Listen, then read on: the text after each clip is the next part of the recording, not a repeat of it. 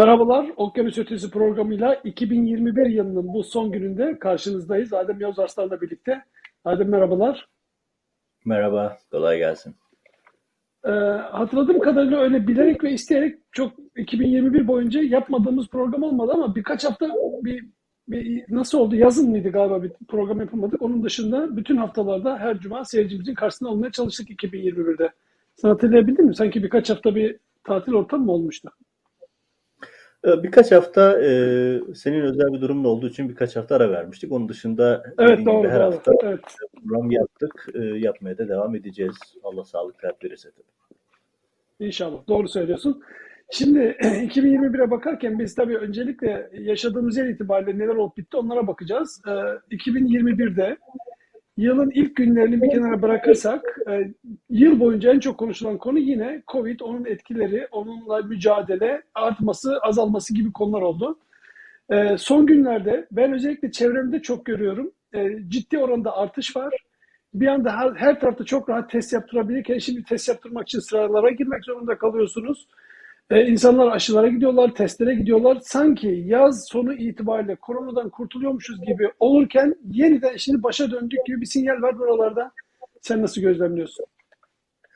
Evet, dün e, gece e, Amerika'nın e, rekoru kırıldı. Dün itibariyle bir günde girilen hasta sayı, e, vaka sayısı e, 500 bin üzerine çıktı ki korkunç bir rakam ve böylelikle e, şöyle bir tabloyla karşılaştık. Hani işte Amerika'da e, çok batı ülkesinde böyle Aralık ayının ikinci yarısı tatil dönemi. İnsanlar, aileler bir araya geliyor, seyahat ediliyor, yemekler vesaire. E, bütün bu şeyler de patlattı. Açıkçası şu anda New York zaten bu işin merkezi haline döndü. Washington'da da aynı olağanüstü bir durum var. E, CDC'nin yani bu işte e, Doktor Fauci'nin başında olduğu Halk. kurum her gün halkı bilgilendiren e, kurum e, dün bir istatistik yayınladı. Önümüzdeki günü hatırlamıyorum ama 44 bin kişinin ölümü bekleniyor Amerika'da sadece bu bölgede ve korkunç rakamlar söz konusu. Yani 2021'e damga vurduğu gibi 2022'de de damga vuracak gözüküyor omikron. Şey, Covid e, omikron ya da başka versiyonlarıyla.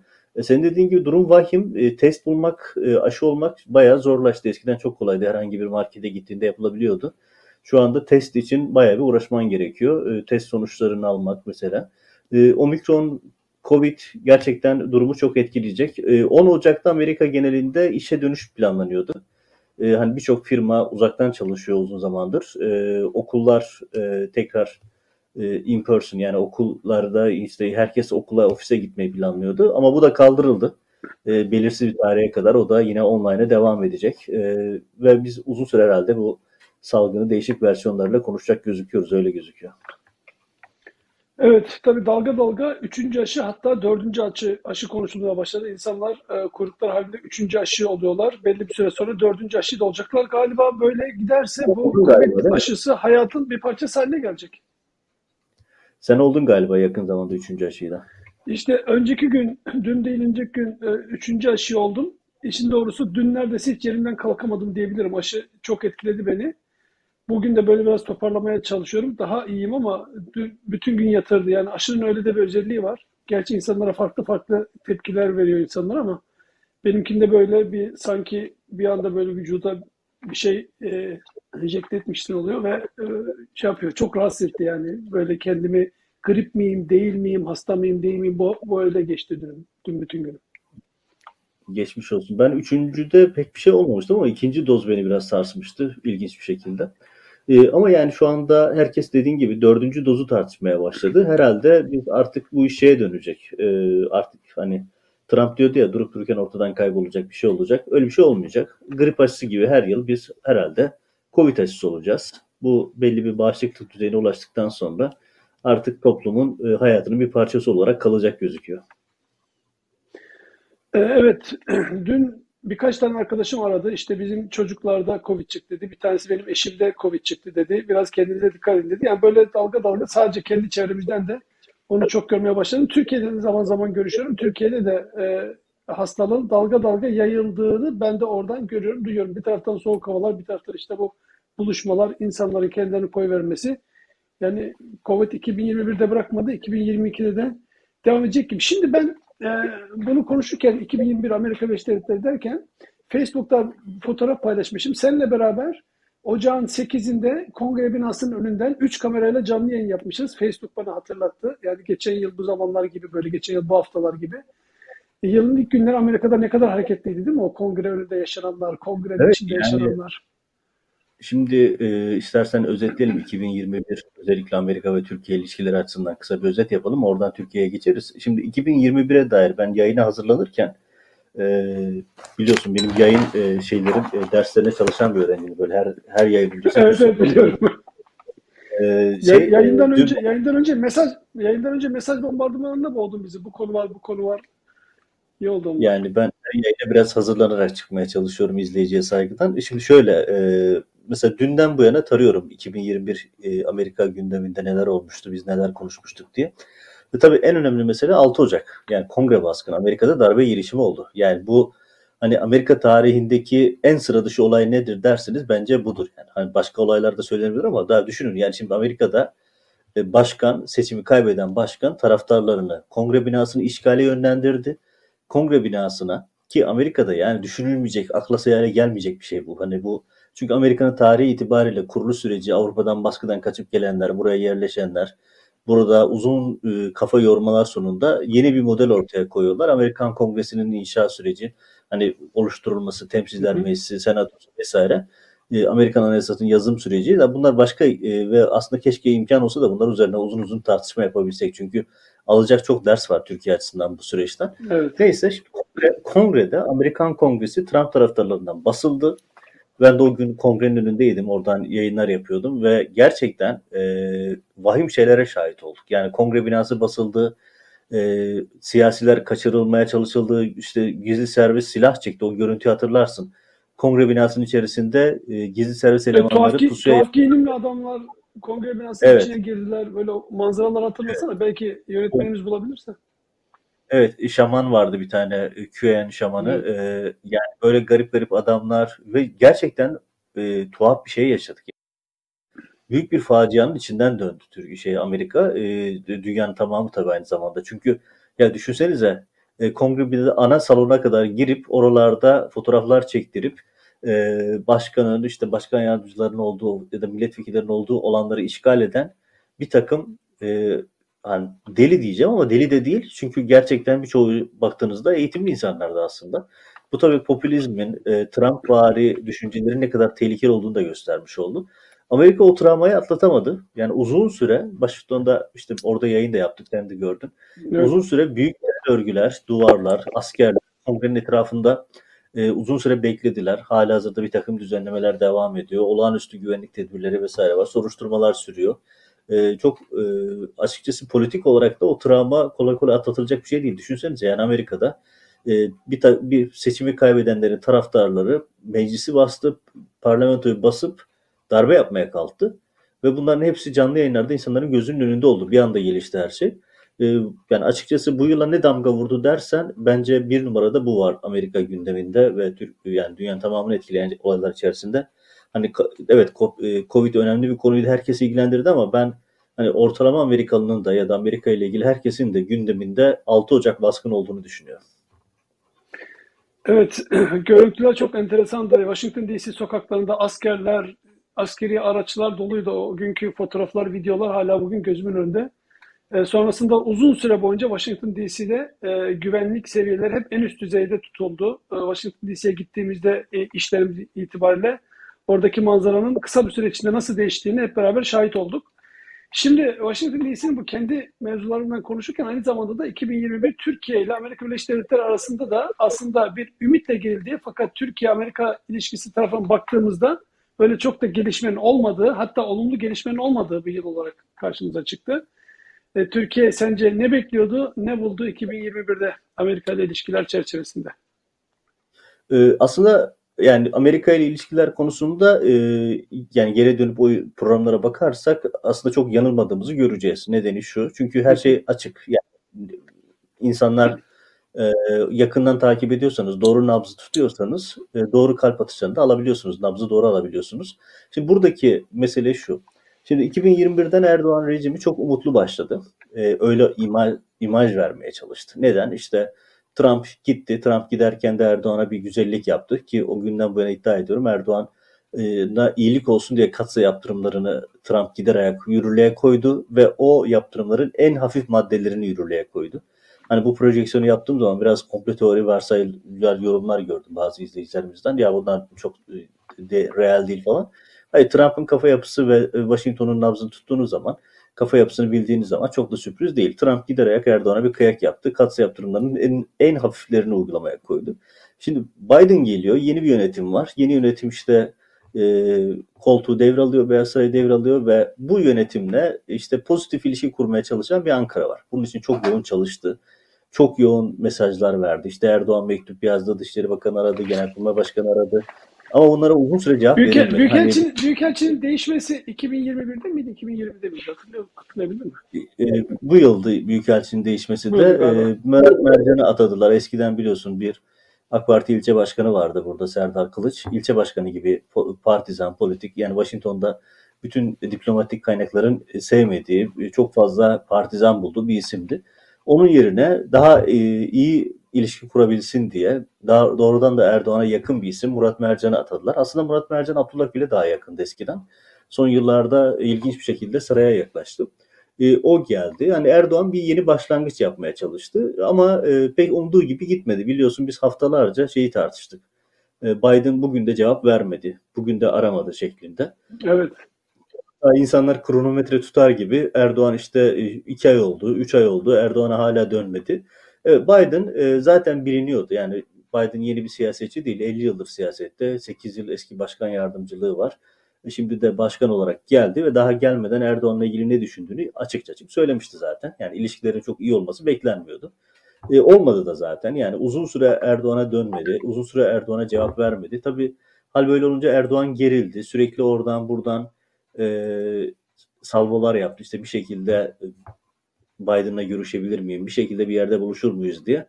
E, Haziran'a kadar görüşme olmadı biliyorsun. Oradan akabinde işte Evet. sonbaharda bir Roma görüşmesi söz konusu oldu ama Haziran görüşmesi çok e, enteresandı. E, şöyle enteresandı.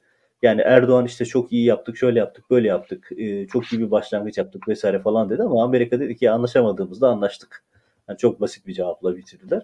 Yani çok parlak bir yıl değildi. Önümüzdeki yıl e, daha da gergin olmasını bekliyorum ben. Çünkü e, bir kere e, Biden Erdoğan'ın istediği hamleleri yapmayacağını gösterdi. Yani Trump dönemindeki gibi Erdoğan Trump'la ikili bir ilişki kurmuştu. Rus oligarklarının, iş adamlarının, işte Mehmet Ali Yalçın'dan falan ilişkilerinin olduğu e, bir takım arka kapısı diplomalarını kullan, diplomasilerini kullanıyordu Erdoğan Trump'la ama artık bunlar işlemiyor. Kurumlar öne çıktı. Dışişleri, Pentagon, Beyaz Saray ve e, Erdoğan istediğini alamadı. Yaptığı bütün girişimlere rağmen hatta hatırlarsın Evlere Şenlik bir Birleşmiş Milletler Zirvesi vardı sonbahardaki. Öyle. Ee, Erdoğan büyük umutlarla geldi. Hatta iki uçak, uçak şey getirdiler işte askeri uçaklarla makam araçlarını taşıdılar Amerika'ya. Hani büyük görgüsüzlük diyeceğim başka bir şey değil. Yani Washington'a her gün siyasiler gelir, ülkeler gelir, ülke liderleri gelir pardon. Ama hiç böyle şey görmezdik ya da işte New York'ta e, Erdoğan özel ar- e, askeri uçaklarla korkunç bir maliyetle as makam araçlarını getirdi, çifte konvoy yaptı vesaire. Ama Erdoğan Biden'la görüşemeyince o kadar çok moral bozukluğu oldu ki dönüş yolunda Biden'a saydırdı. Yani bu da çok sıra dışı bir şeydi bu yıl için. Hani normalde e, ilişki kurmaya çalıştığınız bir lidere saldır, sallamazsınız. Yani amele tabirle söylüyorum. E, ama bir türlü o istediği şeyi yakalayamadı. 2022'de de ben çok iyi olacağını beklemiyorum Türk-Amerikan ilişkilerini. Çünkü e, süren bir süreç var. Yani nedir? Türkiye F-35'ten atıldı. Erdoğan'ın Türkiye'ye attığı tarihi kazık. S-400'ler meselesi aynen devam ediyor. Geçmiş yasalar var. İşte yılın son günlerinde savunma yetki yasası imzalandı. O da Amerika ile Yunanistan arasındaki ilişkileri güçlendiriyor. Ve Türkiye'ye karşı daha negatif bir tablo ortaya çıkıyor vesaire. Ve önümüzdeki yıl bence en belirleyici olacak olan şey Halkbank davası başlayacak. Böyle olunca da e, Türk-Amerikan ilişkilerinde ben daha sorunlu bir 2022 bekliyorum. Evet, tabii Erdoğan tarafından bakarsak e, 2022'de o daha önce yani son yıllarda son yıllardır Türkiye üzerinde kurmaya çalıştığı despotik yönetim artık iyice oturtmaya çalışacaktır. O yüzden de yurt dışından, batıdan, Amerika'dan, Avrupa'dan gelecek tepkiler onun içerideki yapacağı işleri engel olmaması, engel olmaması yeterli olacak. Çünkü kendi seçmenine Amerika düşmanlığı, Avrupa düşmanlığı üzerinden e, iyi kendine göre iyi mesajlar veriyor. Çünkü bu Türkiye'de çalışan bir yöntem. E, Amerika'ya çıkış yapıyor, Avrupa'ya çıkış yapıyor ve kendi seçmeni daha da kemikleştirebiliyor.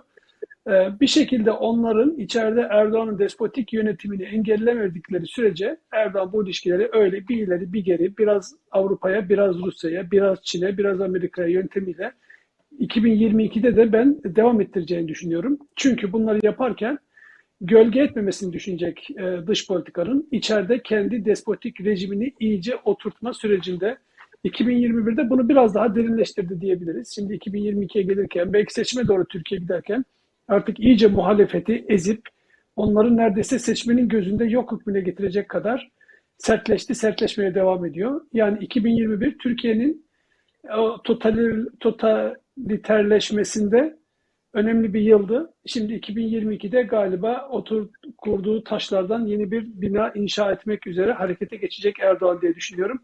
Dış politikaya baktığımızda bunu ben içerideki kendi yerini sağlam, sağlamlaştırmak için e, alverler yapacağı şeklinde geçirecektir 2022'yi diye değerlendiriyorum ben. Evet yani 2022 projeksiyonlarına geçtiğimizde bu alt başlıkları açalım. Daha politikada, ekonomide ne bekliyor, toplumsal hayatta ne bekliyor konusuna geçelim ama Amerika bahsinde bir şey daha hatırlatayım. Bizim önceki videolarda da birçok izleyicimiz e, yorum olarak yazıyor. Halkbank davası meselesi ya da Zarrab konusu gündeme gelince. Hani da tabii 2021'in iyi işlerinden birisi Zarrab'ın Florida'daki hayatıydı. Hani ben yaptım diye demiyorum ama iyi bir haberdi. E, o da e, önemli başlıklardan birisiydi. Yani cezaevinde olduğu sanılan ya da işte ne bileyim Amerika'nın uzak bir bölgesinde tanık konumada olduğu sanılan Reza Zarrab Florida'da hayatına e, keyfine keyif katıyor. Eğlence içerisinde yaşamına devam ediyor. Bazı izleyiciler diyor ki ya bu dava bir türlü başlamadı gitti. Niye böyle oldu? Nasıl oluyor falan. Şimdi izleyicilerimizin anlaması için tekrar şöyle bir özetle hatırlatayım. Şimdi Halkbank davası ile ilgili süreç Hakan Atilla davası başka bir davaydı. Halkbank davası başka bir dava, Reza Zarrab davası başka bir dava. Yani burada birbirinden başka işleyen hukuki süreçler var. Ve Covid ile birlikte Amerika'da zaten hukuki süreçler şöyle. Bizden çok farklı işliyor. Türkiye'de dava çok hızlı tutuklama, çok hızlı işte gözaltı yapılıyor. Mahkeme şey tutuklanıyorsunuz. Cezaevinde iddianame bekliyorsunuz. Cezaevinde işte o yıllarca iddianameyi ve mahkemeyi bekliyorsunuz. Sonra işte duruşmalar başlıyor vesaire. Amerika'da öyle olmuyor. Tersi oluyor. Hazırlık süreci çok uzun, yargılama süreci hızlı gerçekleşiyor. Hazırlık süreci uzun giderken abi Türkiye şöyle bir şey yaptı. Erdoğan Amerika'nın en pahalı avukatlarını çok yüksek miktarlarda paralarla kiralayarak tutarak bayağı bir avukat grubu Amerika'daki her türlü hukuki yöntemi deniyor. Yani şöyle düşünün. Mesela ben Amerika'da vatandaş olmayan bir insan olarak e, ve yeşil kartı, green kartı olmayan bir insan olarak işte mesela birçok Amerikalı'nın sahip olmadığı hakka sahip değilim. E, sahip olduğu hakka sahip değilim. Bu yüzden ama ben diyorum ki avukata diyorum ki al sana şu kadar milyon dolar git benimle ilgili sağa sola dava aç. Şu an Türkiye'nin yaptığı tam olarak bu. Ve sürekli Halkbank davasını başlatmamak için olmayacak çıkmaz sokaklara giriyor. Ya hukukçular diyor ki ya bunu yapmamızın bir anlamı yok. Buradan bu sonucu alamayız zaten. Önemli değil siz yapın diyorlar. Çünkü her hukuki başvuru Erdoğan'a bir 3 ay 6 ay kazandırıyor. Mesela en son geçenlerde Anayasa Mahkemesi'ne başvuru kararı aldı. Yine temiz yapıyor, yine gidiyor sağa sola başvuruyor. Oradan red alıyor. Önemli değil diyor. Bir daha başvuruyor. Önemli değil diyor. Bir daha başvuruyor. Buradaki Erdoğan'ın çok temel bir amacı var. Erdoğan'ın temel amacı şu. Önümüzdeki seçimler ki ben önümüzde 2022'nin Haziran'ından önce mutlaka bir baskın e, tuzak seçim planladığını düşünüyorum Erdoğan'ın. Buraya geçmeden önce Halkbank davasını başlatmamayı planlıyor. Yani çünkü Halkbank davası başladığında kendi aleyhine çok şey çıkacağını biliyor. Çünkü e, Zarrab tekrar konuşacak. Başka isimler çıkacak e, tanık olarak ve bütün bunların hepsi e, ne yapacak biliyor musunuz? Erdoğan'ın seçimle başını belaya sokacağı için seçim öncesinde Erdoğan ne yapıp ne edip bu davanın seçimden önce başlamasını engellemeye çalışıyor. Şu ana kadar attığı bütün hukuki adımlar bu amaca yönelikti ve bunu yine deniyor. Yani yarın bir gün olmadık bir adım daha atacak. Önemli değil nasıl olsa hazinenin parası. Nasıl olsa vatandaşın parası. Orada avukatlara e, deli gibi para harcamanın bir anlamı yok Erdoğan için. Bunları sadece davayı ötelemek için yapıyor. Hani dava kaldırılmış, Erdoğan'la Biden anlaşmış, dava e, düşürülmüş falan değil. Böyle yorumlar görüyorum izleyicilerden soru olarak da geliyor. Öyle değil sadece Erdoğan süreyi uzatmaya çalışıyor ama benim beklentim e, bu yaz davanın görülmeye başlaması yönünde. O halde diyorsun ki dava görülmeye başlamadan önce Erdoğan bir seçim yapıp kendi içerideki yerini daha sağlamlaştırmak, tartışılan kişi olmaktan çıkmak istiyor diyorsun seçim öncesinde. Tabii ki yani çünkü açıldığı zaman kendisine, ailesine, yakın ekibine yönelik ciddi suçlamalar ortaya çıkacak da bunların faturası da olabilir. O yüzden Erdoğan bunların e, yaşanmasını istemediği için bir şekilde Zarrab'ı kurtarmak için çok şey yaptı olmadı. Onun yerine e, şimdi davayı engellemek için hukuki alternatifler deniyor. Ama hepsi çıkmaz sokak. Yani bu davanın görülmesini engelleme şansı yok. Sadece zaman kazanıyor. Peki yani tekrar içeriye dönelim. Erdoğan böyle birkaç gün duruyor sonra çıkıyor konuşuyor e, son zamanlarda. Şimdi biz yayına çıkmadan birkaç saat önce yeniden konuştu ASKON toplantısında. Oradaki tabii anlaşılan o ki o kadar sert bir şekilde muhalefete e, giriyor ki tabiri caizse seçime doğru gittiği belli. Muhalefeti iyice ezmek, onları artık sesini çıkaramaz hale getirmek istiyor. Şimdi bakın birkaç saat önce neler söyledi bunları bir dinleyelim Kemal Kılıçdaroğlu ile alakalı. Ee, sonra üzerine konuşalım. Gerçekten çok enteresan kelimeler kullanıyor. Dürüst değil. Kalibresi bozuk. Cins, cibiliyet bozuk. Böyle bir durum. Başında bulunduğu partinin genlerindeki faşistlik bir noktada işte böyle hortluyor. Bitti artık. Her şeyden önce devletin kurumlarına gidebilmek dürüstlük gerektirir. Sende bu dürüstlük yok. Öyle cibilliyetsiz falan gibi laflar yani Türkiye Cumhuriyeti'nin işte Cumhurbaşkanlığı makamında bulunan birisi konuşuyor. Muhtemelen bu konuşmaları prompturda yoktur. Herhalde prompterlarda bunu yazmazlar yani.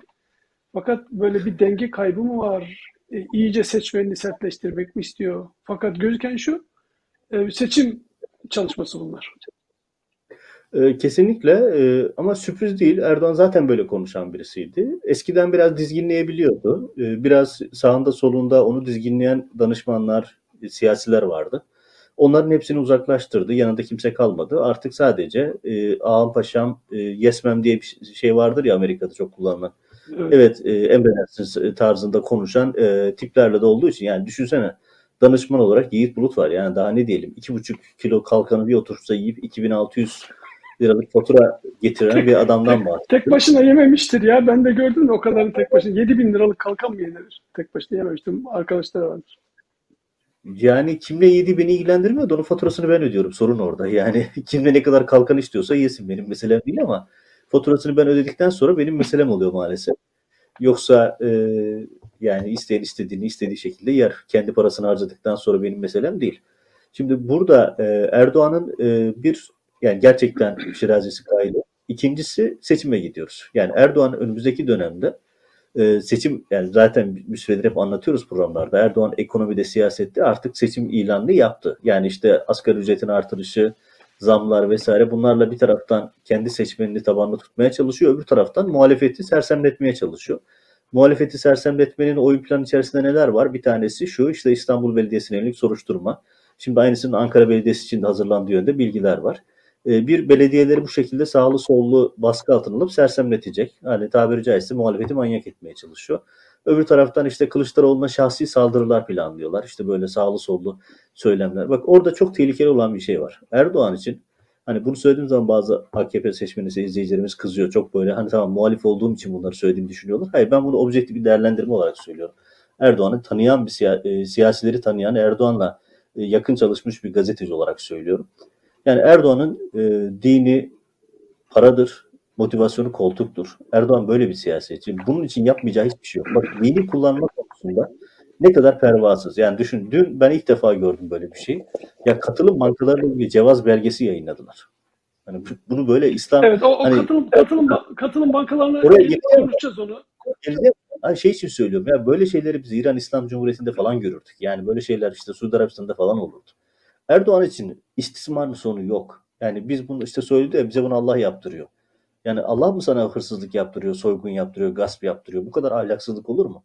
Ama Erdoğan yapar böyle şeyleri çünkü seçime gidiyor. Erdoğan eğer, için kol... eğer söyledikleri eğer söyledikleri doğru, doğruysa bak şimdi o videoyu da izleyelim. E, rehberinin e, kim olduğunu özellikle Hasan Karakaya ismi üzerinde e, ölmüş gitmiş ama şahit olduğum bazı şeyler var. Onları da söylemek isterim. Şimdi o kısmı bir dinleyelim. Ben hep şunu söylerim. Dünyamda iki kalem var ki beni çok etkilemiştir. Bir Üstad Necip Fazıl Kısakürek ve daha sonra da Hasan Karakaya. Şimdi e, uzun yıllar gazetecilik, televizyon yayıncılığı yaptık birlikte. Hasan Karakay'ı ben biraz tanırım. Yani mesela direkt olarak yalan yazdığı e, köşe yazısına ben şahidim. Kendisiyle de konuşmuştum hatta. Evet ya o doğru değilmiş falan dedi. Düzelteceğim falan dedi ama düzeltmedi. Dilinin nasıl olduğu, hangi kelimeleri kullandığını hepimiz biliyoruz. Demek ki o bir önceki videoda gördüğümüz o lafları söylemesi de çok şaşırtıcı değil yani işte böyle bunlarla yatıp kalkıyormuş demek ki. Yani Hasan Kitaplar Karakaya okuyor. Hasan Karakaya'yı ben de tanırdım. Ee, çok seyahatlerimiz oldu. Ankara temsilcisi oldum. Hüsnü Erdoğan'la çok siyasetler, e, siyasetlerle çok seyahatlerimiz oldu. Ee, Erdoğan'ın çok sevdiği isimlerden biriydi Hasan Karakaya. Hatta hatırlarsın e, seyahatte hayatını kaybedince e, Medine'deydi yanlış yanlış hatırlamıyorsam. Hayatını kaybettiğinde Evet, Erdoğan evet, dönüş yolunda uçağda tabutunu o röportaj yaptığı büyük masa var ya uçakta.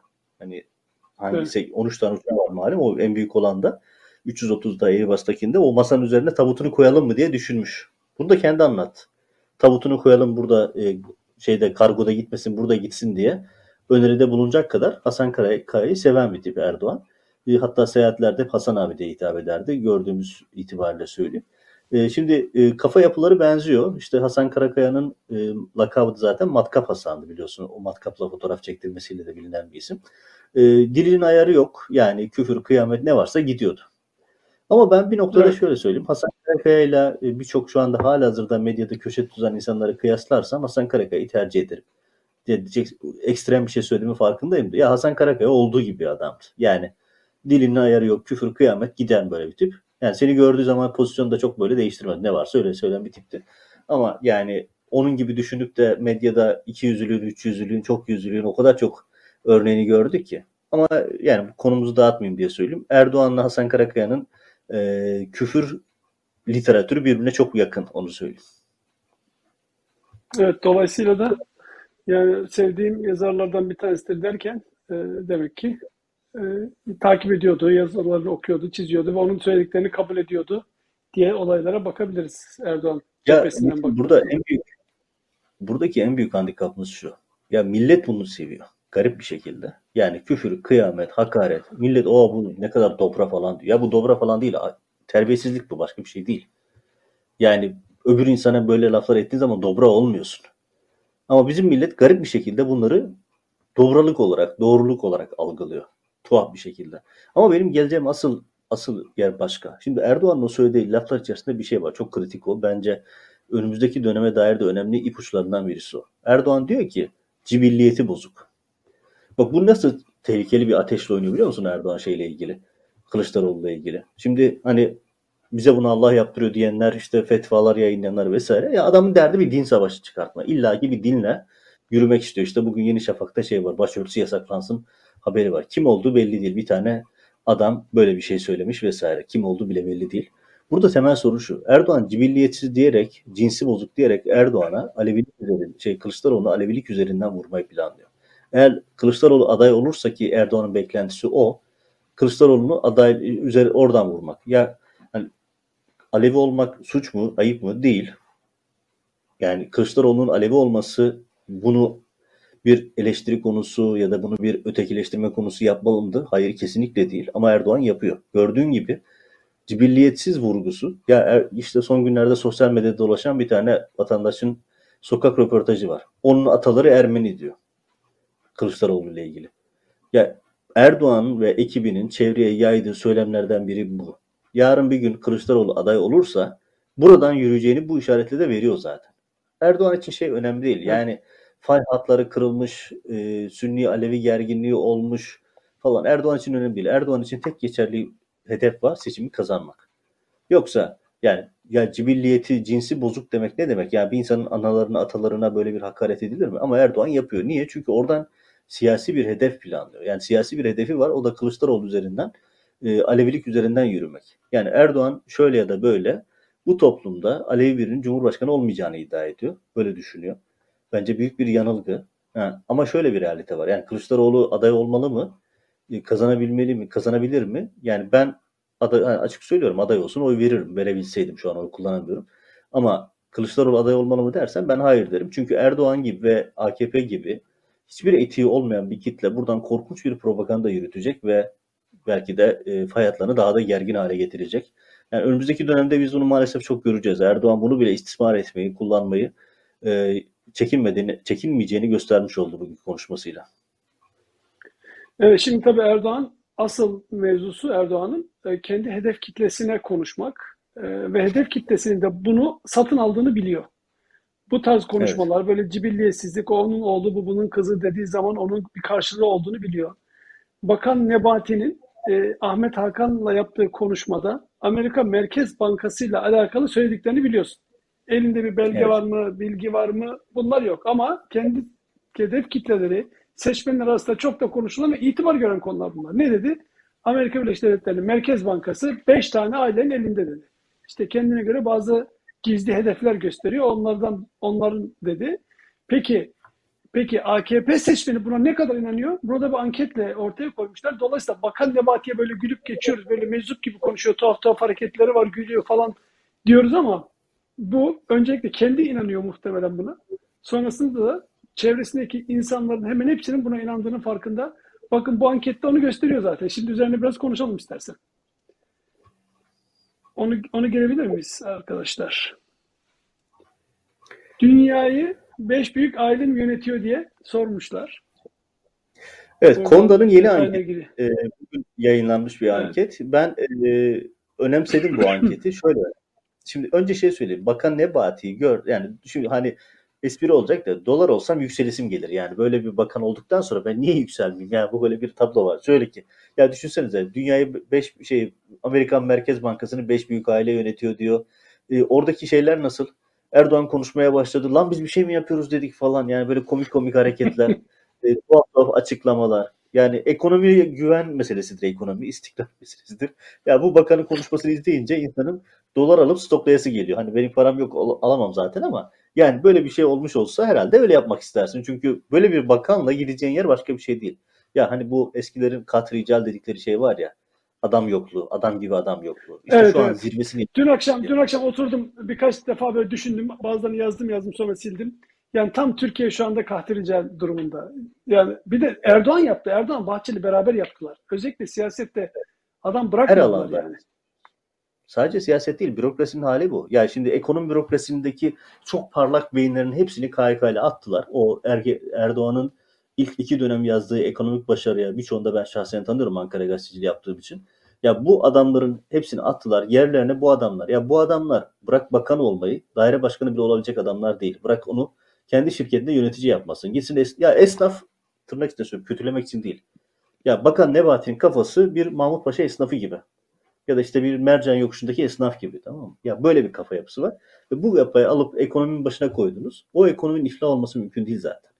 Kaldı ki en iyisini getirseniz Erdoğan'a rağmen yine başarılı olamaz. Çünkü Erdoğan sorunun kaynağı Erdoğan zaten. Ama bakan Nebati Nasıl yani? mesele şu.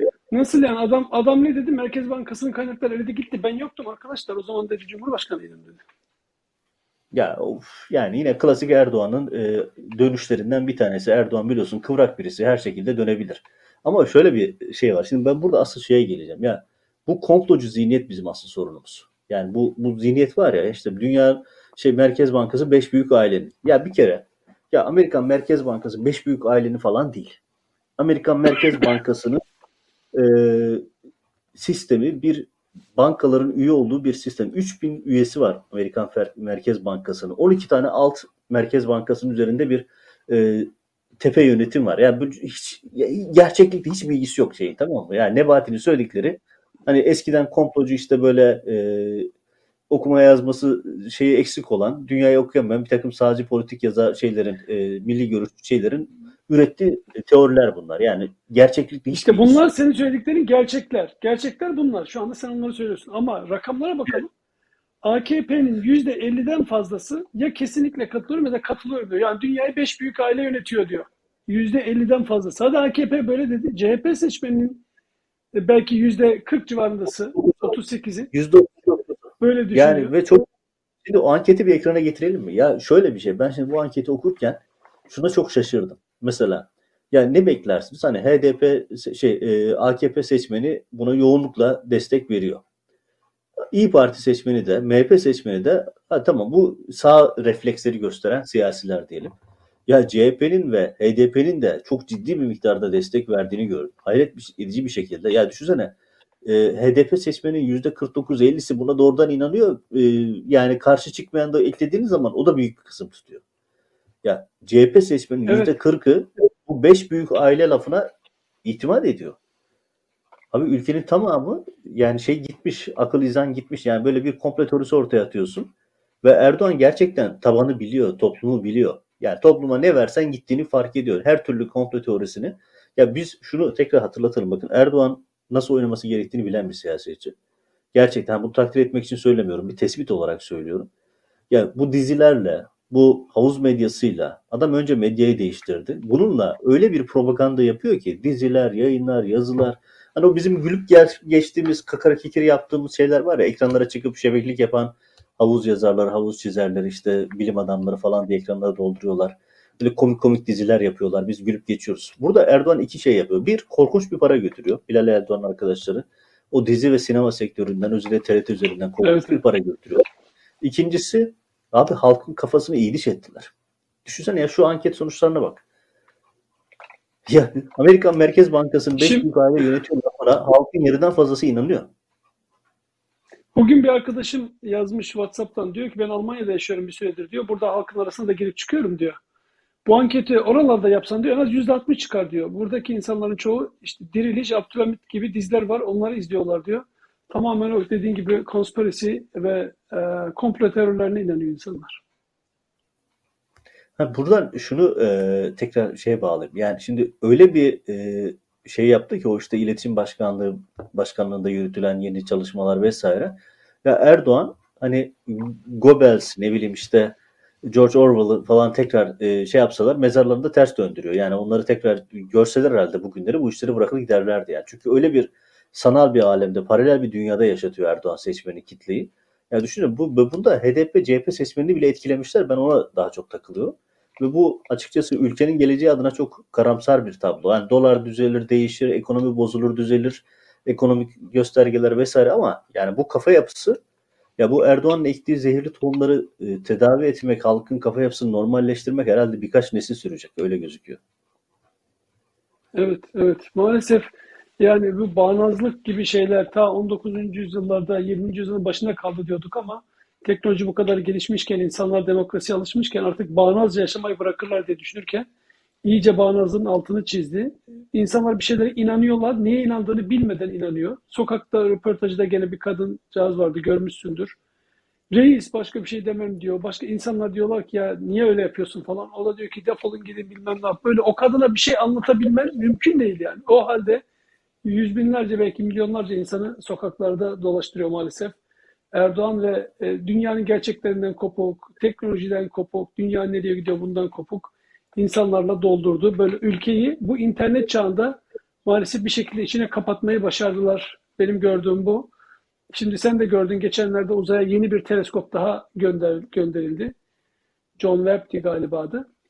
Ee, bu teleskopla çok daha yeni keşifler, galaksiler, yıldızlar yani yaşadığımız kainat keşfedilecek. Dünya bunları konuşuyorken Türkiye'de işte e, reisçiler kendi dünyalarında birbirlerine hakaretler, birbirlerine gerginlikler, iyice köşeleşmeler, kutuplaşmalar maalesef almış başını gidiyor. Türkiye bırak yerinde saymayı dünyadan koptu geriye doğru aldı başını gidiyor. Ee, işte Erdoğan bu kitleyi olağanüstü şartlarda seçim hazırlıyor. Erdoğan için çok temel bir kural var. Normal bir seçimi kazanma şansı yok. Olağanüstü şartlarda seçime gitmesi gerekiyor. Bunun için gerekirse kan dökecek. Bakın bunu e, abarttığımı düşünen izleyicilerimiz olabilir. Daha önceki yaptıklarından bakarak görebilirsiniz. Dikkat edin son dönemlerde HDP'ye yönelik e, işte büro saldırılar, işte İzmir'de Deniz Boyner'ın katledilmesi, İstanbul Bahçelievler'de silahlı saldırı vesaire. Yani HDP sabahını sokağa dökmek için her şeyi yapıyor Erdoğan. Bir taraftan işte muhalefeti soruşturmalarla köşeye çekmeye çalışıyor, sıkıştırmaya çalışıyor. Bir taraftan da işte bu sürekli e, halktaki o e, gerginliği, fay hatlarını e, kazı, karış, kaşıyacak hareketler yapıyor. Sürekli yeni operasyonlar, yeni gözaltılar vesaire söylemler o biçim devam ediyor. Yani Erdoğan'ın hedefi, hedefi olağanüstü şartlarda bir seçime gitmek. Çünkü olağanüstü şartlarda seçime giderse iktidar olabileceğini düşünüyor. Evet bu söylediklerini teyit eden bir araştırma var. Metropol'ün yeni araştırması. AKP'nin oylarının e, geçtiğimiz yani yıl bu içinde 2021 içinde 2021 başından sonuna kadar nasıl eridiğini gösteriyor. Ocak-Mart döneminde AKP %49 iken Nisan Haziran'da 47'ye, Temmuz Eylül'de 45'e düşüyor. Ee, en son artık ekonomik krizin baş iyice göster baş gösterdiği, doların böyle sert hareketler yaptığı bu sonbahar sonlarına doğru ve kış aylarında da oylar yüzde kırkında altına düşmüş gözüküyor. Bunu elbette ki Erdoğan kendi yaptırdığı araştırmalarda çok daha iyi görüyordur. Ve bu noktada e, düşen oylarını tekrar toparlayabilmek için senin de dediğin gibi olağanüstü bir duruma ihtiyacı var. Bu olağanüstülüğün altyapısını oluşturuyor, temelini hazırlıyor. Gözüken manzara şu anda bu. Sertliğin daha da artacağını o zaman analiz edebilmek, önümüzdeki dönemde yapacağı konuşmaların sertliği iyice arttıracağını, sadece söylemlerde değil, eylemlerde de arttıracağını yorumlayabilmek, yorumlamak çok da uzak bir ihtimal değil. Şu anket biraz ekranda kalabilir mi? Yönetmen arkadaşlar rica edelim. Anket biraz ekranda kalsın. Oradan birkaç değerlendirme yapacağım. Bir tanesi şu. Şimdi bu anket Metropol'ün son çalışması dindar seçmen üzerinde. Yani kendini dindar olarak tanımlayan seçmen üzerinde. Çok önemli sonuçları var. Mesela bir tanesi senin de gördüğün, herkesin gördüğü gibi AKP'ye olan desteğin 10 puandan fazla düşmesi. Bu önemli. Yani dindar seçmen üzerinden 10 puan kayıp Erdoğan için büyük bir sorun. Ama ilginç bir şey var. AKP'den giden bu seçmen nereye gitmiş diye baktığında aslında gittiği bir yerde yok. Kararsızlığın rakamı Kararsız da duruyorlar. Evet. Faz, 10 puandan fazla artmış durumda. Yani Erdoğan'dan kopmuş ama öbür tarafa da gitmemiş. Çünkü cazip olduğunu, cazip bir gidecek yer bulamıyor. Şimdi burada mesela bakın CHP'nin oyunda da düşüş var. Yani CHP'nin oyunda da bir e, şey söylemi var. E, dikkat çekici. Dindar seçmen arasında CHP'nin oyunda da bir puanlık bir düşüş var. O da neden? Şimdi CHP'deki bazı kesimler, yani CHP'de de sonuçta tek bir görüş yok. Şimdi Kılıçdaroğlu dışında ulusalcı, katı, kemalist, layık bir kitle var. Bu kitlenin böyle klasik o rejimin irite edici, Erdoğan rejimini doğuran, büyüten o kafa taşı yapısı zaman zaman ediyor. Mesela onların söylemleri de dindar seçmeni kaçırıyor. Dikkat edersen CHP'den de kaçış var. Bak MHP'den de kaçış var. Evet, MHP'nin evet. işte bu Özdağ tarzı adamların sadece o değil, onun tarzında bir sürü insan var. En, Onlardan en büyük, da. En büyük kaçış MHP'den olmuş. Yani rakamlar düşük ama evet. neredeyse yüzde elli insanlar gitmiş. Evet. Buradan bakıyorsun kaçanlar nereye gitmiş? İyi Parti'ye gitmiş, Deva Partisi'ne gitmiş ve diğerlerine gitmiş. Yani burada HDP'ye de gidiş söz konusu. Şimdi buradaki dikkat çekici şey şu. Yani bir dindar seçmen AKP'den, MHP'den ayrılıyor.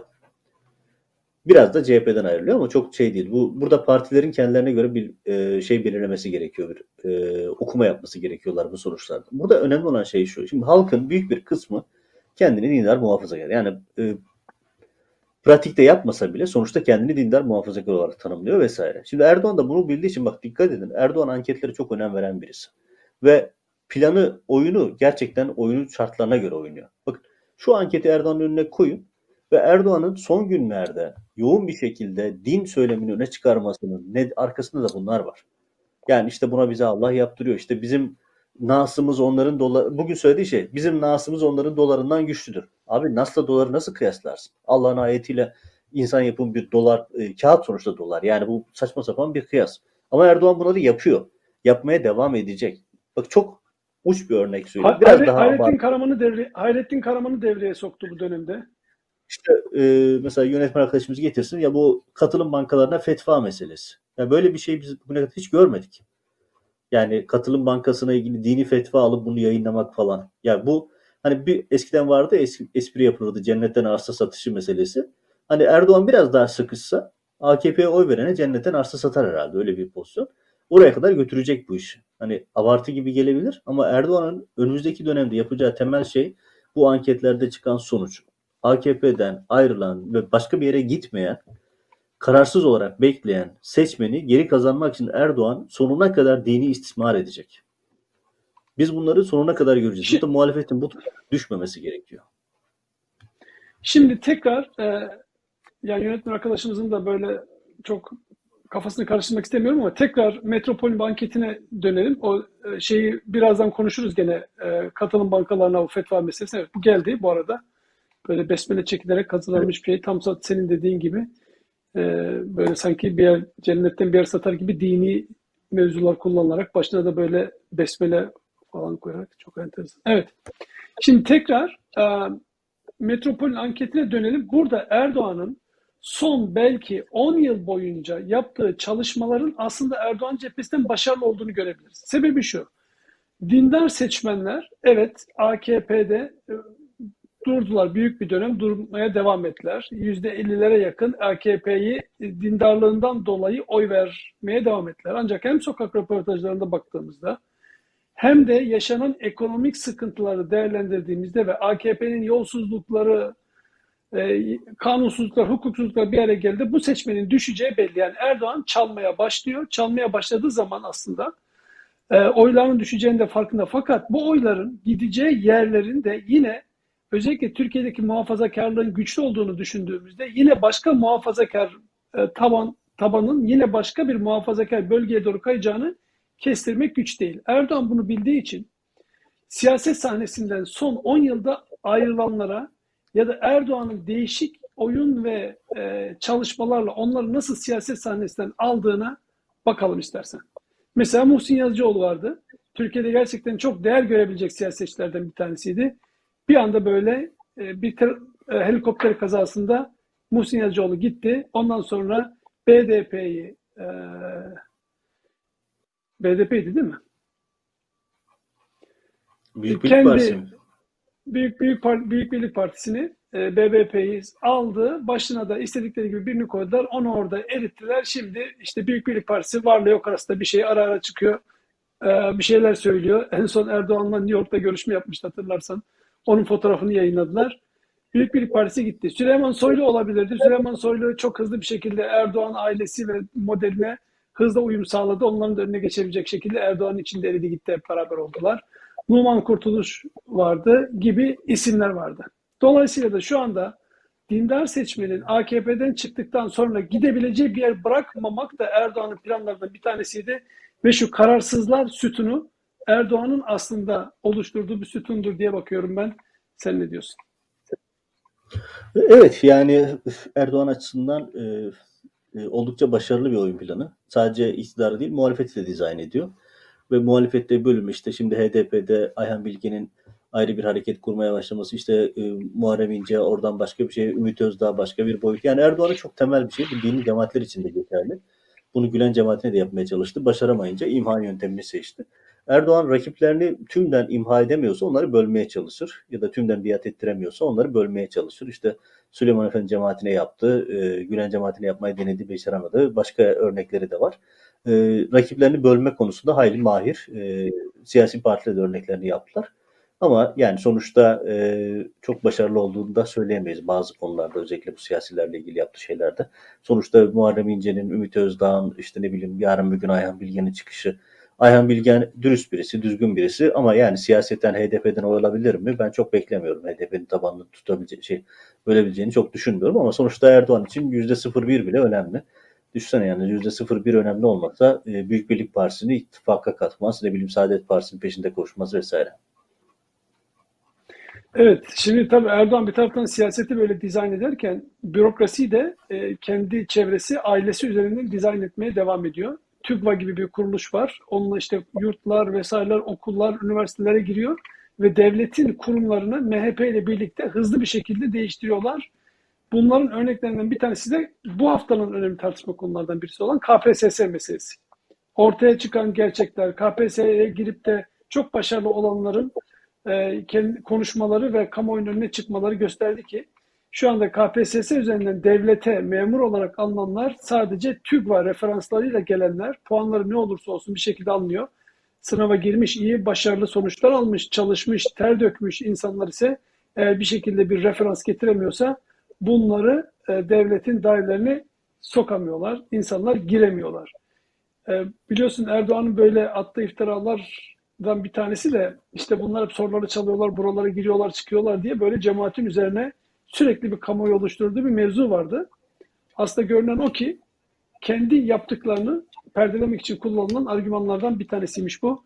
Şimdi her şeyle ortaya çıkıyor. Zaten Kemal Kılıçdaroğlu'nun dün Milli Eğitim Bakanlığı'na gidip bu konuları soracak vesaire gibi kon gibi konular ve tartışmalarda bu KPSS üzerinden çıktı. İstersen biraz da KPSS mevzularını konuşalım. Erdoğan ve AKP uzun yıllardır planladıkları bu oyunu nasıl oynuyorlar sence? Şimdi yönetmen arkadaşımız bir gazete küpürü e, ekrana getirebilir mi? Taraf gazetesinden bir gazete küpürü, e, iki gazete küpürü daha doğrusu.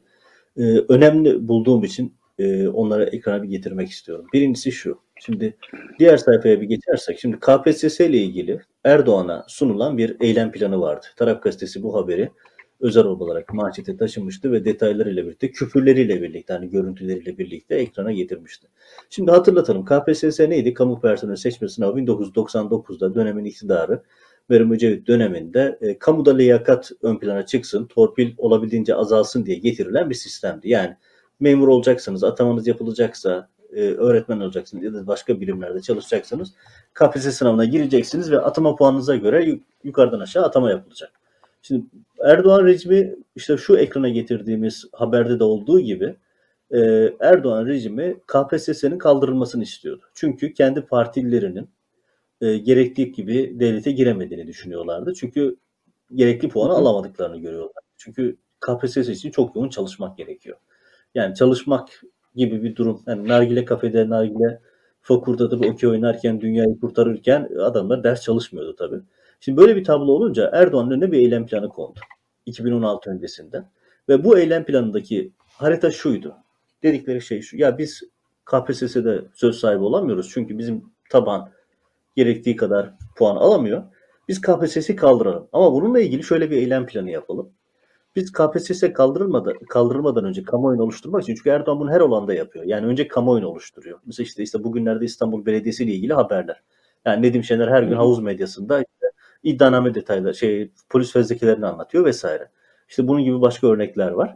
Ve böyle şey önce kamuoyunu oluşturuyorlar arkasından da atılması gereken adım atıyorlar. Şimdi bu haberde de görüldüğü gibi küpürüyle birlikte diyorlar ki KPSS'yi kaldıralım ama bunu doğrudan kaldıramayız. Bunun için önce bir kamuoyunu oluşturmamız lazım. Ne yapacağız? Cemaat soru çaldı diyeceğiz. Devlet kadrolarına sadece kendi adamlarını yerleştirdi diyeceğiz. Bunların önüne geçebilmek için KPSS'yi kaldırıyoruz gibi bir söylem üreteceğiz. Bunu yaptılar. Öyle ki bir hava oluşturdular ki ve Türkiye'de bütün sınav soruları çalındı, bütün soruları cemaat çaldı falan diye bir ezberi herkesin kafasına çaktılar. Ve maalesef bu işe yaradı. Maalesef yaradı. Yani düşünün Türkiye'deki en büyük sorun ezberciliktir diye hep söylediğim bir konu. Ya e, kimse o davanın nasıl sonuçlandığına bakmıyor. KPSS sır cihazıyla soru çalma denen yargılamada tanıklar beraat etti. Böyle bir soru çalınmamış. KPSS ile ilgili bütün algının ya işte röportaj yaptırılacak, paralel hakkımız yedi dedirtecek. Bugün okuma yazma bilen, e, okuyan yazan insanlar bile bir şekilde işte e, milletin hakkı yendi diye çıkıp demeçler veriyor. Tam da Erdoğan'ın oyun planı gerçekleşmiş oldu ve KPSS'yi kaldırıp yani daha doğrusu birçok kurumda kaldırıp mesela Dışişleri Bakanlığı vesaire onların yanına mülakat şartı getirdiler. Eskiden kamera falan vardı onu da kaldırdılar.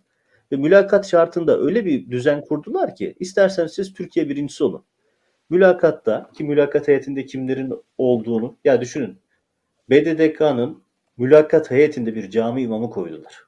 Eski Yeni Şafak'ta Yeni Şafak'ın eski dağıtım servisinde çalışan bir elemanı aldılar. İlahiyat mezunu cami imamı aldılar. BDDK'da mülakat heyetine koydular. Niye? Çünkü Sadece TÜGVA, TÜRGEV, Milli Gençlik Vakfı, eskiden Milli Gençlik Vakfı'ydı, şimdi işte TÜGVA, TÜRGEV, TÜRGVA, TÜRGEV gibi isimlerden gelen parti referanslı kişileri almak için bunları yaptılar ve bunu yıllardır uyguluyorlar. Şu anda artık parti devleti dönüşümü tamamlandı. Burada kritik bir nokta var. Uzatmadan onu söyleyeyim, sana devredeyim sözü. O da şu. Şimdi bu iş başladığında yani KPSS kaldırılsın e, ya da işte mülakatlar getirilsin noktası başladığında CHP'liler, seküler kesimler, ulusalcılar, ulusolcular vesaireciler hep birlikte o birçok evet böyle oldu. Bunlar soru çaldı. Bunlar kaldırılsın ya da işte mülakat şartı olsun şu oluyor. İşte devlet tırnak içerisinde söyleyeyim temizleniyor. Çok soykırım söyleme o temizlik ayrı bir konu. Ama bunu desteklediler. Şimdi bugünlerde vay efendim nasıl olur diye ağlıyorlar. Abi kusura bakmayın da bunun en büyük destekçisi sizdiniz yeter ki cemaati kazısınlar biz her şeye razıyız diyen kitleler şimdi dönüp o silahın kendini vurmalarına, kendilerini vurmalarına isyan ediyor. İsyan etmeyecektiniz çünkü o silahı siz başkalarına karşı kullanırken Erdoğan'ın tripodu oldunuz, ayağı oldunuz. İnsanları Erdoğan soykırıma tabi tutarken siz destek veriyordunuz. Şimdi bakıyorum aynı CHP'li ulusalcı isimler. Vay efendim bu sayede biz e, tasfiye ediliyoruz. İşte Erdoğan sadece kendi partileri devlete sokuyor. cemaatçilere ya da işte cemaatçi suçlamasıyla yapılan bütün bu tasfiyeleri yaparken destek oluyordunuz ama. Onun size döneceğini düşünemediniz mi? Şimdi dönüp oradan vay efendim nasıl olur diyorsunuz. Kusura bakmayın çok geç kaldınız. Evet. Şimdi 2021'den bahsediyoruz. Az önce bir tripodtan bahsetmiştim. 2021'e en çok damga vuran konulardan bir tanesi de bir kamera, bir tripod meselesiydi. Sedat Peker'in videoları. Neredeyse bütün yaz Evet. boyunca haftada haft- en az haftada iki tane video yayınlayan Sedat Peker takip ediliyor. Acaba neler söyleyecek diyordu deniyordu ve en önemli Sedat Peker'in konuşmalarından çıkanları özetlediğimizde en önemli mevzu karşımıza Süleyman Soylu olarak çıkıyor. Süleyman Soylu'nun karıştırdıklarını kamuoyu aslında yakından öğrenmiş oldu. Çünkü pek çoğunu gördüğümüz kadarıyla ispatlı, elle tutulur şeylerdi. Onlardan bir tanesi ve en önemlisi de Süleyman Soylu'nun mafya ve uyuşturucu kaçakçılarıyla yakınlığıydı. Daha bugünkü bir haber var. Onun üzerinden değerlendirmemizi yapabiliriz. Ama Süleyman Soylu uluslararası uyuşturucu kaçakçılığının bir yerinde ailesiyle birlikte olduğunu Sedat Peker kendine göre üslubu ve belgeleriyle ortaya koydu. Süleyman Soylu bazen cevapsız kalmayı, bazen cevap verip fakat tam anlamıyla ne dediğini anlamadığımız bir noktaya kadar getirdi. Elbette ki Erdoğan Süleyman Soylu'yu yemedi. Çünkü Erdoğan'la Süleyman Soylu'nun bu anlamda nasıl bir ilişkiler olduğunu bize kapalı bilmiyoruz. Fakat tahminler yürütebiliriz. Ancak Binali Yıldırım, onun oğlu Süleyman Soylu, mafya, Alaaddin Çakıcı vesaire buralarda karışan e, ticaretler, e, Mehmet Ali A, Mehmet Ağar e, ve uyuşturucu ticaretiyle gelen bütün bu manzara bize gösterdi ki Türkiye'de çok karanlık dönemler yaşanmıştı 90'larda 80'lerde. Onlar bitiyor gibiydi ama AKP'nin güçlendiği ve yolsuzluklara iyice bulaştığı dönemde yeniden bütün her şeyle ortaya çıkmış oldu.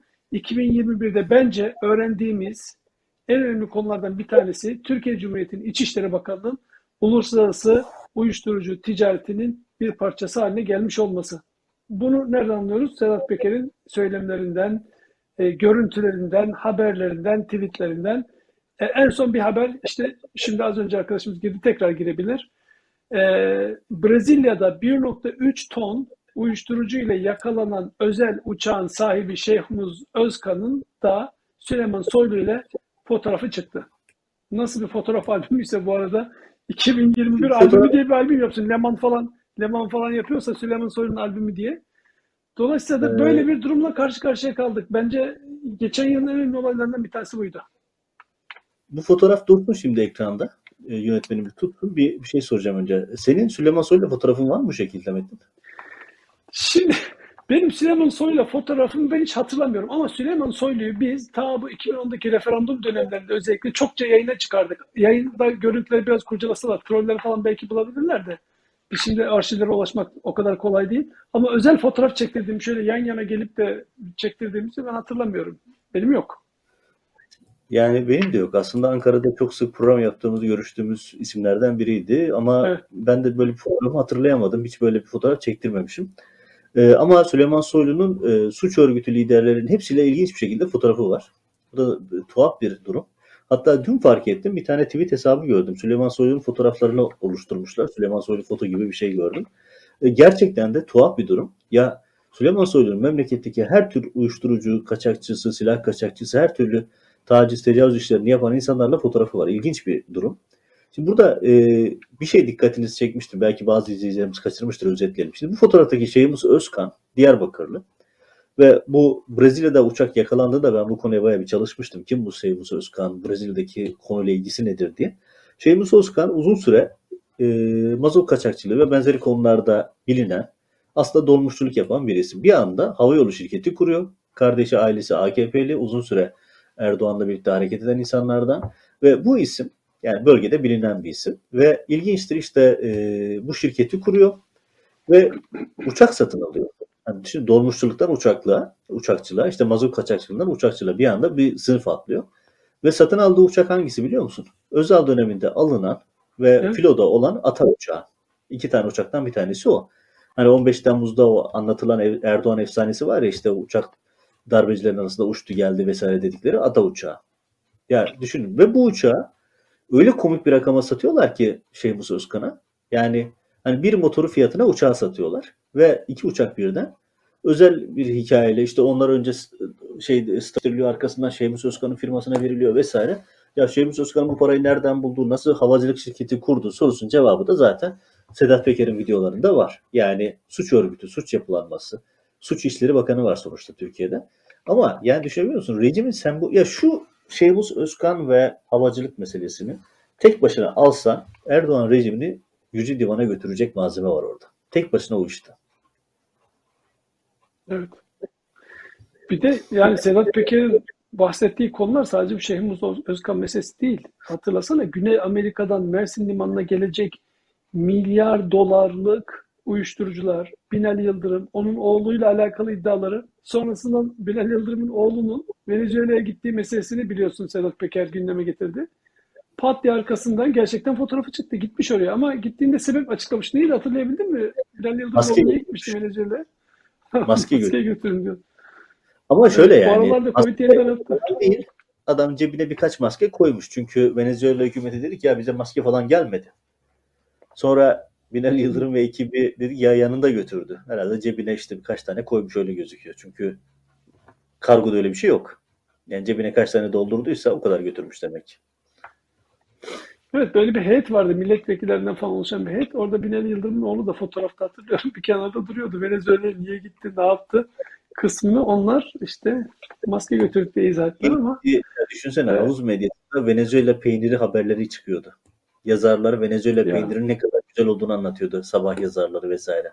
Sonra gördük ki Venezuela'dan gelen peynir konteynerlarında, peynir yüklü konteynerlerde uyuşturucu varmış. evet bu uyuşturucu meselesi 2020'ye çok e, damga vurdu. Bir tane pudra şekerli bir AKP'li yöneticinin işte şoförü müydü, asistanı mıydı onun görüntüleri çıktı. Sonra başka bir AKP'li yönetici kendi makamında Yine Süleyman Soylu ile fotoğrafları vardı. AKP'li Kürşat. onun da Süleyman Soylu'yla fotoğrafları var. Kripto para vurgunu İşte yapan Süleyman. Ha, kripto para deminden beri işte aklımda acaba yönetmenimize söylesem onun fotoğrafını da bulur mu diyecektim. O benden erken davrandı fotoğrafı bulmuş. Yani nerede dolandırıcı, kaçakçı, uyuşturucu var. Herkes Süleyman Soylu'yla. Bir de Süleyman Soylu da böyle makamında olduğu için bir ceketli de değil. Hep böyle yelekli, gömlekli falan. Bayağı bir samimi ortamlar kuruyor. Bunlar yani Süleyman Soylu'yu kendilerine yakın buluyorlar demek ki. Evet yani tam da Ama Süleyman da- Soylu bunları bunları Süleyman Soylu kendisi yapmıyor biliyorsun yani. Ona bir yaptıran var. herhalde canım yani piramit modeli e, yukarıdan aşağı doğru yayılıyor Yok, yok. şeyler. Yok kendisi dedi ya biz biz bir yaptıklarımızı bize Allah yaptırıyor diyor ya. Ama yani işte onun e, yani saray saraya bağlı. Adamın kıblesi saray çünkü. Bu işler saraydan aşağı doğru yayılıyor. Evet, 2021'in son günündeyiz. Son yayınını da yapmış olduk. Evet. Ekleyeceklerimiz var mıydı? Yani keşke 2021'i yaşamamış olsaydık. Dua edelim, e, umalım. Ya. Yani pek umutlu değilim ama 2022 en azından sağlık saat olsun. Diğerlerinden çünkü çok parlak bir yıl beklemiyor bizi. Evet, sağlık olsun olur diyelim o zaman. bakarsın. Evet yani belki belki bakarsın bunların hepsi defolup gitmiş. Sen de ben de yayınlarımızı Türkiye'den yapıyoruz. Kısmet. Evet, tabii şimdi defol gitmiş derken kapatmadan söylememiz gerekenler var. Böyle konuşuyoruz, bir yıl geçti, işte şunlar oldu, bunlar oldu diyoruz ama hapishanelerde yıllardır kalan insanlar orada durmaya devam ediyorlar. Bazen böyle oturduğumda gece falan, şimdi hissediyorum böyle bir yerde oturuyorum. Diyorum ki mesela Hidayet Karaca, o da şu anda herhalde odasında oturuyordur ya da yatıyordur. Hep orada, dün oradaydı, bugün orada. Efendim? Hücresinde yani. Hücresinde, Senin evet. arasında fark var. Yani onlar Evet, hücrede. yani onu da demek istemediğim için. Evet. Doğru. Ve yıllardır oradalar. Hidayet Karaca 7. yılını bitirdi. 8. yıldır onu hapishanede tutmaya devam ediyorlar. Ailesinden ayrıldılar. Kendisi bir perişan, ailesi başka. Ee, çok sevdiği oğulları, eşi onlardan ayrı uzun yıllardır. Mustafa Ünal öyle. Gazeteci arkadaşlar işte e, Zaman Gazetesi'nden Ankara'da gazetecilik yapan hanımefendi hala hapishanede onu tutmaya devam ediyorlar. Ve neredeyse şu an itibariyle 30 binden fazla, 30 binle 40 bin arasında rakamlar değişiyor. Bazen alıyorlar, bazen bırakıyorlar. Masum insan, çocuklar, bebekler 2021 yılını hapishanede geçirdiler. 300 küsür tane bebek, 400'e yakın bebek şu anda yeni yıla hapishanede dört duvarın arasında giriyor. Ve Evet. orada büyüyorlar bu çocuklar. Hastalar, ha- hastalıktan ölenler, kaç tane onlarca insan hastalıktan hayatını kaybetti hapishanelerde. Yani Evet. Türkiye'deki durum bu. Aslında en çok konuşması gerekenlerden bir tanesi bu. Bakın Hidayet Karaca, Gültekin Avcı yıllardır hapishanede. Mehmet Baronsu o da 7. yılın içinde şu anda hala hapishanede onu da tutmaya devam ediyorlar. Böyle şu anda aklımıza gelmeyen bir sürü isim e, hapishanelerde e, Erdoğan rejimi kendi e, ni tutsun orada, rejimde kalmaya devam etsin, ülkeyi yönetmeye, çalmaya, çırpmaya devam etsin diye insanları dört duvarın arasında tutuyorlar. İnşallah önümüzdeki yıl onların özgürlüklerine, ailelerine kavuştukları yıl olsun diye bitirelim. İnşallah. Bitirirken bir tane son dün tweette gördüm ve hoşuma gittiği için paylaşıp e, paylaştığım bir tweet vardı onu söyleyerek bitireyim. Bir KYK'lı akademisyen, ihraç edilen akademisyenlerden birisi paylaşmış. E, 6 yaşında çocuğun okul arkadaşı olur, park arkadaşı olur, mahalle arkadaşı olur. Benim kızımın koğuş arkadaşı var. Yani kızıyla birlikte Evet. tutuklanmış bir akademisyen. Yani düşün 6 yaşındaki çocuğun koğuş arkadaşları var. Sen de söylediğin gibi 340 civarında bebek şu anda cezaevinde olması gereken bebek cezaevinde. Gazeteciler, arkadaşlarımız cezaevinde. Umalım bu yıl onların özgürlük yılı olsun diyelim. Evet. Tekrar teşekkürler. Bilinen malum espriyle kapatıyorum. Önümüzdeki yıl görüşmek üzere.